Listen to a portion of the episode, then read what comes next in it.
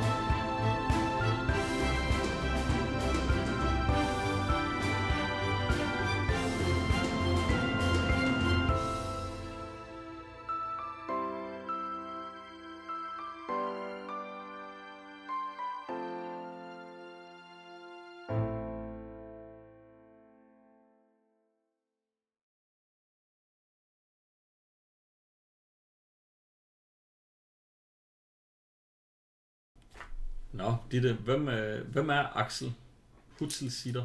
Axel Hutzelsitter, Mm-hmm. som man måske kan mærke på tungen, er øh, tysk. Og han var en tysk gartner fra øh, Hagenbæk Dyrepark, Mm-hmm. som øh, faktisk var en af de største eksportører af mennesker til menneskeudstillinger. Little fun fact. Spændende karriere, valg. Øh, Gartner eller... Begge dele. Ja, Måske Øh, mere det med menneskeudstillinger. vist det med menneskeudstillinger. Men øh, han må åbenbart være blevet træt af at være gartner. Ja. Fordi han øh, bestemte sig pludselig for at blive dyretæmmer. Mm-hmm. Og det kan man jo synes er et vildt spring. Ja. Øhm, men han blev faktisk en ganske habil dyretæmmer. Og i 1926, så kunne man se ham øh, i et cirkustelt ved Dalgas Avenue, Avenue Mm-hmm. Som- Avenue? Avenue? Jeg tror, det hvor han dresserede hunde og slanger og bjørne. Nå, Ja, så han kunne lidt af hvert. Og øh, så blev han åbenbart forelsket i Aarhus. Ja, Det, det, må gør man jo. Det gør man jo. Så han valgte, at nu vil han åbne en zoologisk have her i Aarhus. Og det ville han egentlig gerne have Venneløsparken til. Mm-hmm. Det fik han pænt nej til. Ja, Øh, I stedet for, så valgte han så at tage Havreballeskoven i stedet for. ja, og det er for, for jer, der kender Aarhus, så er det det område lige foran øh, Aarhus Stadion, hvor vi har de her fine søer. Og lige ved siden af Og Friheden. Tivoli Friheden, ja, lige Yes. præcis. Og der åbnede han så Zoologisk Have i 1932. Mhm. Mm-hmm. 1. maj, for at det ikke skal være løgn. Hold da op. Ja. Ja, hold da op. Og øh, her havde han en del dyr, som du sagde før.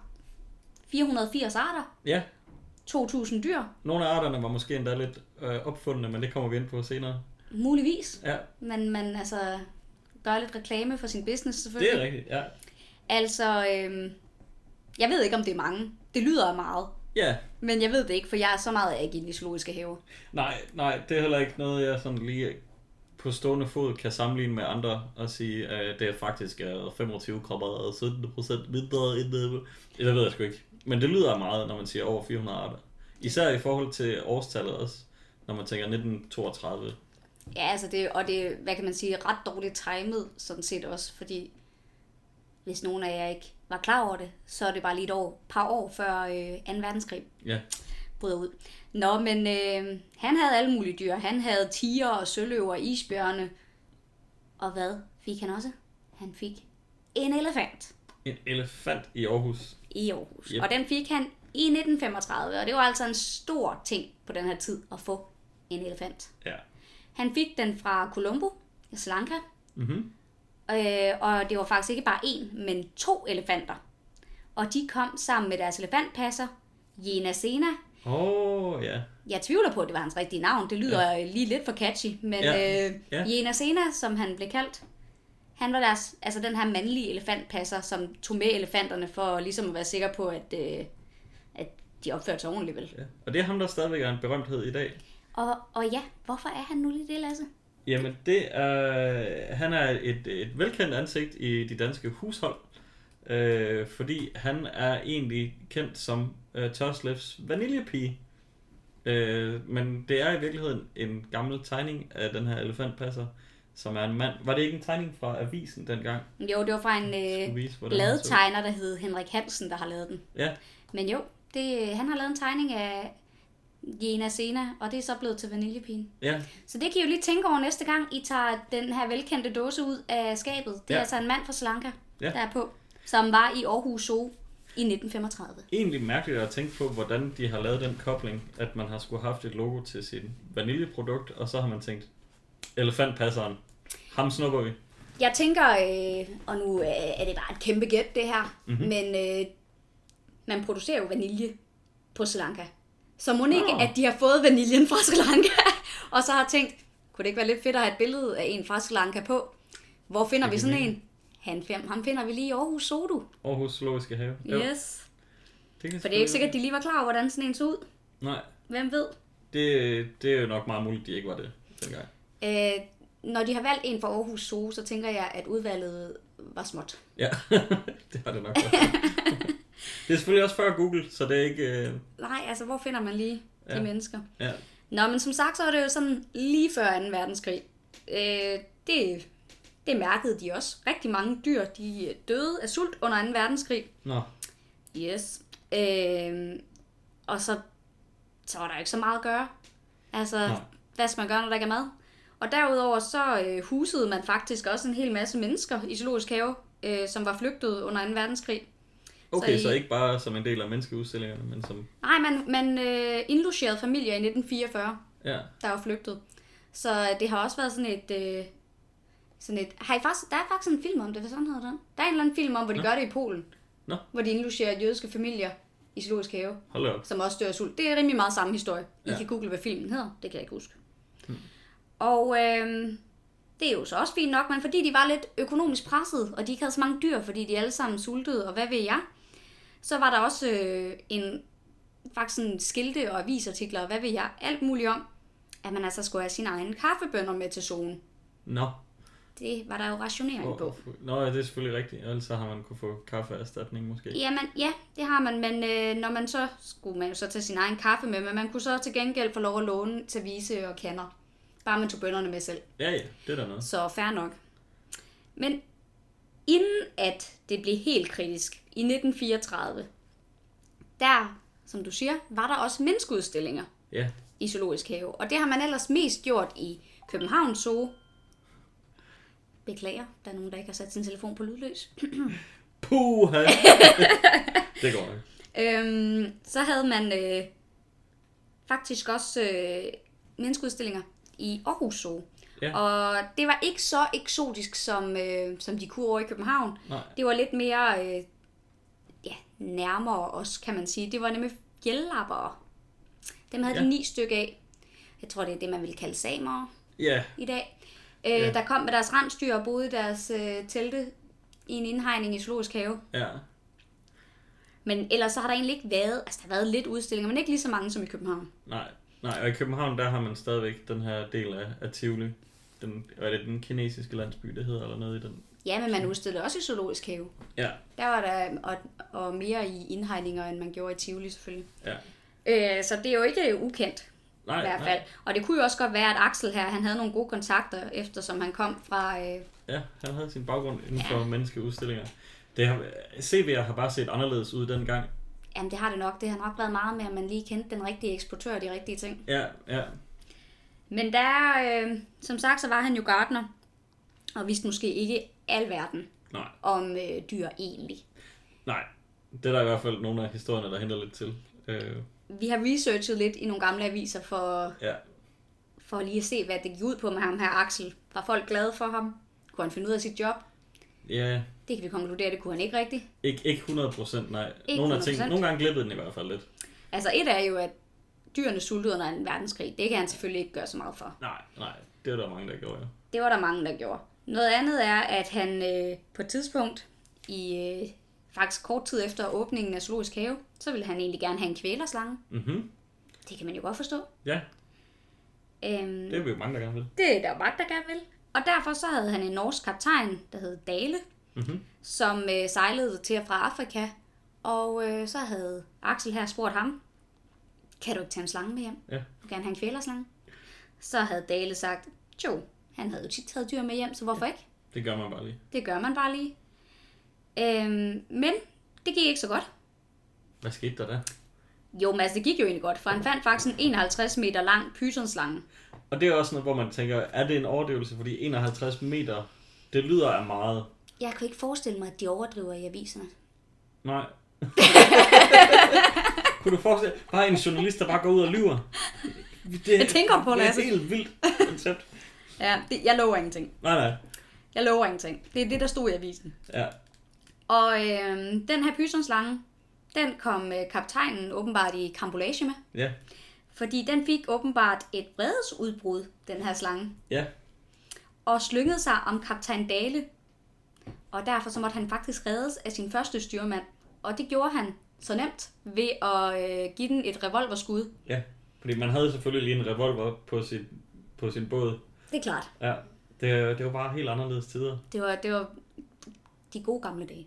er det ikke det, man siger? Det er det, man, ja, når folk snakker om de gode gamle dage, så er det dengang, man sejlede til Afrika med sin båd og hentede kvælerslanger og plukkede dem. Ja, for den døde jo faktisk også. Den døde desværre, ja. ja. Øh, den her slangeham, Ja, den lå så i øh, chefens kahyt ja. til alt øh, eftermæle, eller hvad man siger fra Et den skræk og advarsel. Lige præcis. Men kaptajn Dale, han nægtede nogensinde at tage levende kvælerslanger med som passager igen. Ja. Det gad han simpelthen ikke. Og det var Axel her jo lidt øh, træt af. Ja, fordi, Fordi- hvor får man så sin kvælerslange? Det er jo det. Han var faktisk ret ked af det. Han var ked af, at de måtte dræbe slangen også, Ja. fordi han havde jo den her almene viden, som han siger, Ja, som alle jo ved. Øh, mm, hvis man bliver, hvad skal man sige, fanget af en kvælerslange, mm-hmm. så er det ikke nødvendigt at dræbe den. det her det er jo også god viden for jer her derude. Godt tip. lige indskyde. Øh, ja. Ikke prøv det derhjemme, men godt tip. Ja, Efter sigende, så siger Hutzelsider, at øh, hvis man stiller sig på dens hale, altså træder den på halen, mm-hmm. og man smider sig, så hvis nu første styrmand havde trådt på halen, og Mm-hmm. Dale havde smidt sig, så slipper den lige med det samme. Nå. Ja. Så sådan er med det. Ja.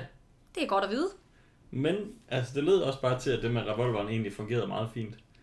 Ja, bortset fra, at han jo ikke fik nogen levende slange. Det, er- altså, det er selvfølgelig det. Slangen den dør af det. Og de stod faktisk lige og manglede sådan en, skrev, Ja. han, skrev Ja. han i avisen. Så. Men nu ved I derude, hvad I skal gøre. Hvis I bliver fanget af en 51 meter lang kvælerslange, og I ikke lige har en revolver i nærheden, træd på halen, Så slipper den. smid jer ned og rulle rundt, Ja. så gider slangen ikke mere. Nej.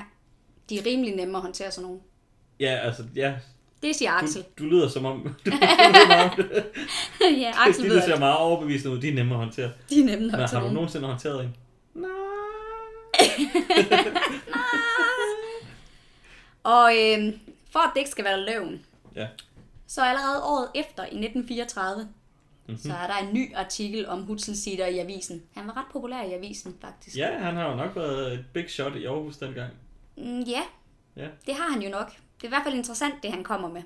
Ja. Han er nemlig i avisen for at øh, fortælle om det her nye dyr, han er blevet tilbudt Ja, og har købt helt i dyre dyr. domme. Ja, En helt ny race, han var har det med vilje, du sagde i dyre domme? Ja, det var det. Word puns. Hvorfor gør du, hvorfor gør du sådan noget? Sikke en forfærdelig dag at have ører. Vil du høre, hvad det er for et dyr, Det han har købt, eller hvad? Et helt nyt dyr, man aldrig har hørt om En før. helt ny art. Det er aldrig ja. sket før. Nej. Det er kalvehjorten, Mm, ja, som I sjov nok ikke, altså mange af jer, der kender nok. nok ikke. Øh, nok ikke. Og det er en øh, blanding af en ko og en hjort, faktisk. Ja, En ko og en hjort, der har parret sig, og så har de simpelthen fået en kalvehjort. kalvehjort. Og den købte han jo i dyredommen. Ja. Og øh, det, det lyder jo meget imponerende. Det vil man selvfølgelig gerne ind og se.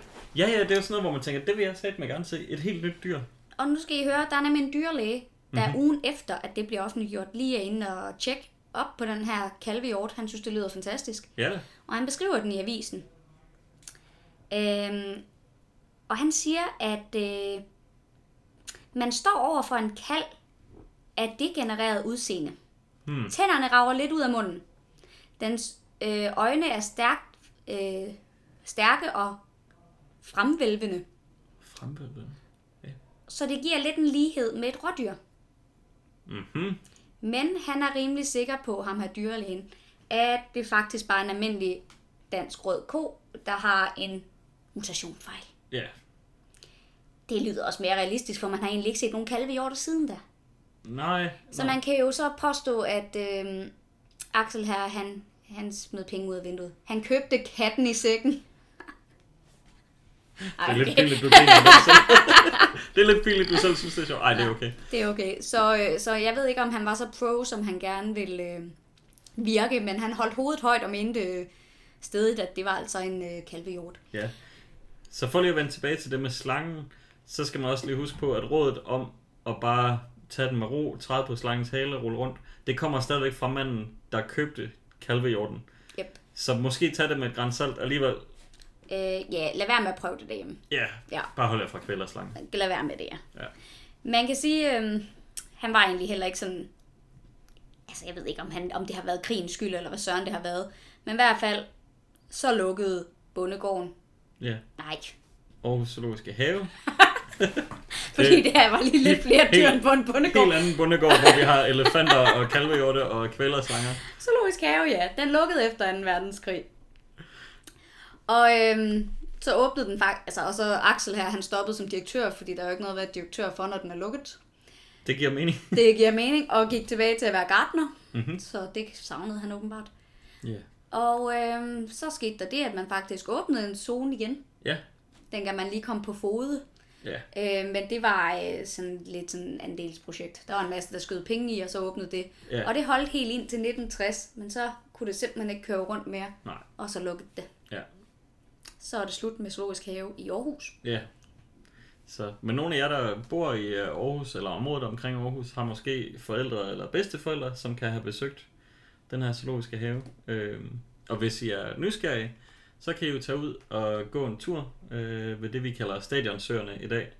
Øh, søerne, der er lige ved Stadion Allé, øh, ved Havreballeskoven. Fordi de, de søer, der er, de har faktisk været en del af det gamle anlæg til zoologiske have, hvor der så har været øh, eksotiske fugle og fisk og alle mulige andre spændende ting og sager. Øh, men, men de er faktisk kunstigt, kunstigt anlagt, de her søer. Øh, og jeg, jeg er tit derude og, øh, og spotter tit en øh, fiskehajer, som øh, så bor derude. der er lidt dyreliv. Så øh, lidt, lidt spændende er der. Øh, plus det er en dejlig god tur. Ja, og man kan bare nærmest forestille sig, hvordan der har været en zoologisk have, når man Ja. står på vejen og kigger ned. Det ja. er rigtig fint i sådan en lille dal. Ja.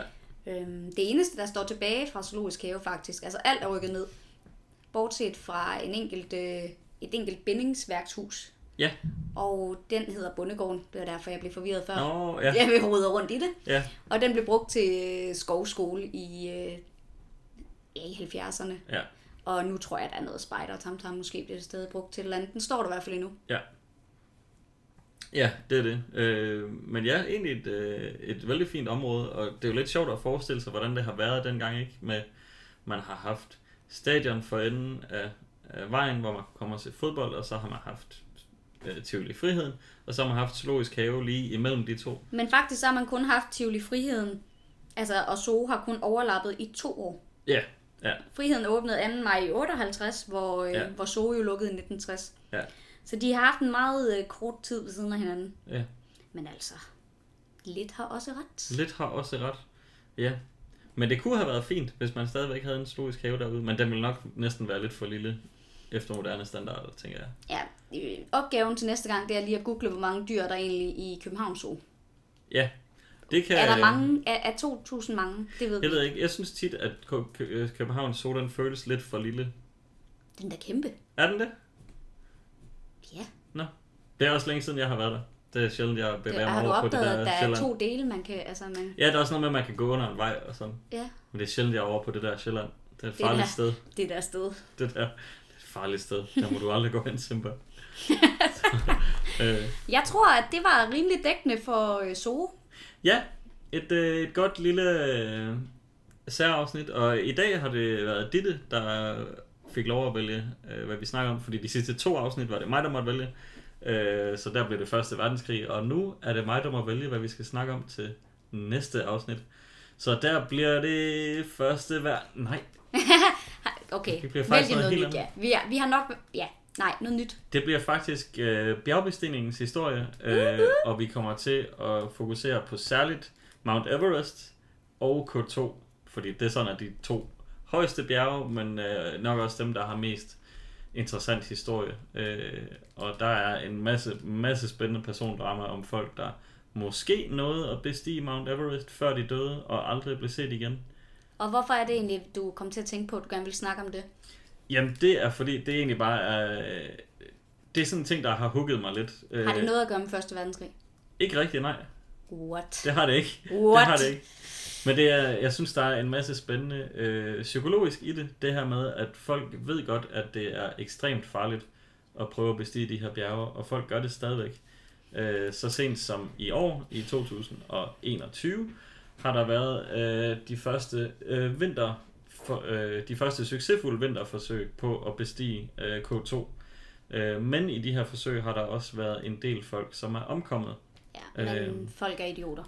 Hvad skal vi Det, gøre? det, kan man jo, det kan man jo så diskutere. Det er i hvert fald en, øh, den her risikovillighed, som jeg synes er meget fascinerende. I sommerperioden, øh, som er det sted, hvor det er mest sikkert at bestige bjergene, øh, øh, der har man en statistik omkring K2, som siger, at omkring 25% af alle, der forsøger at bestige K2, de dør.